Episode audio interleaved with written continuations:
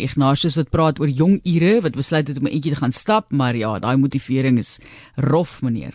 Maar Lies, jy weet, daar's net een keer in my lewe wat ek kan onthou dat ek myself so moeg gehardloop het dat ek net verder wou hardloop. Jy weet meer as net 'n tweede asem, daai wat hulle noem 'n runner's high.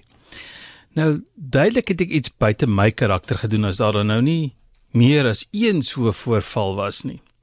Buite karakter, runners high. Jong Ire het die afgelope week buite karakter langs die strand gaan stap. Nie 'n romantiese wandeling langs die strand nie, iets baie gefokus, 'n onselfsugtige daad.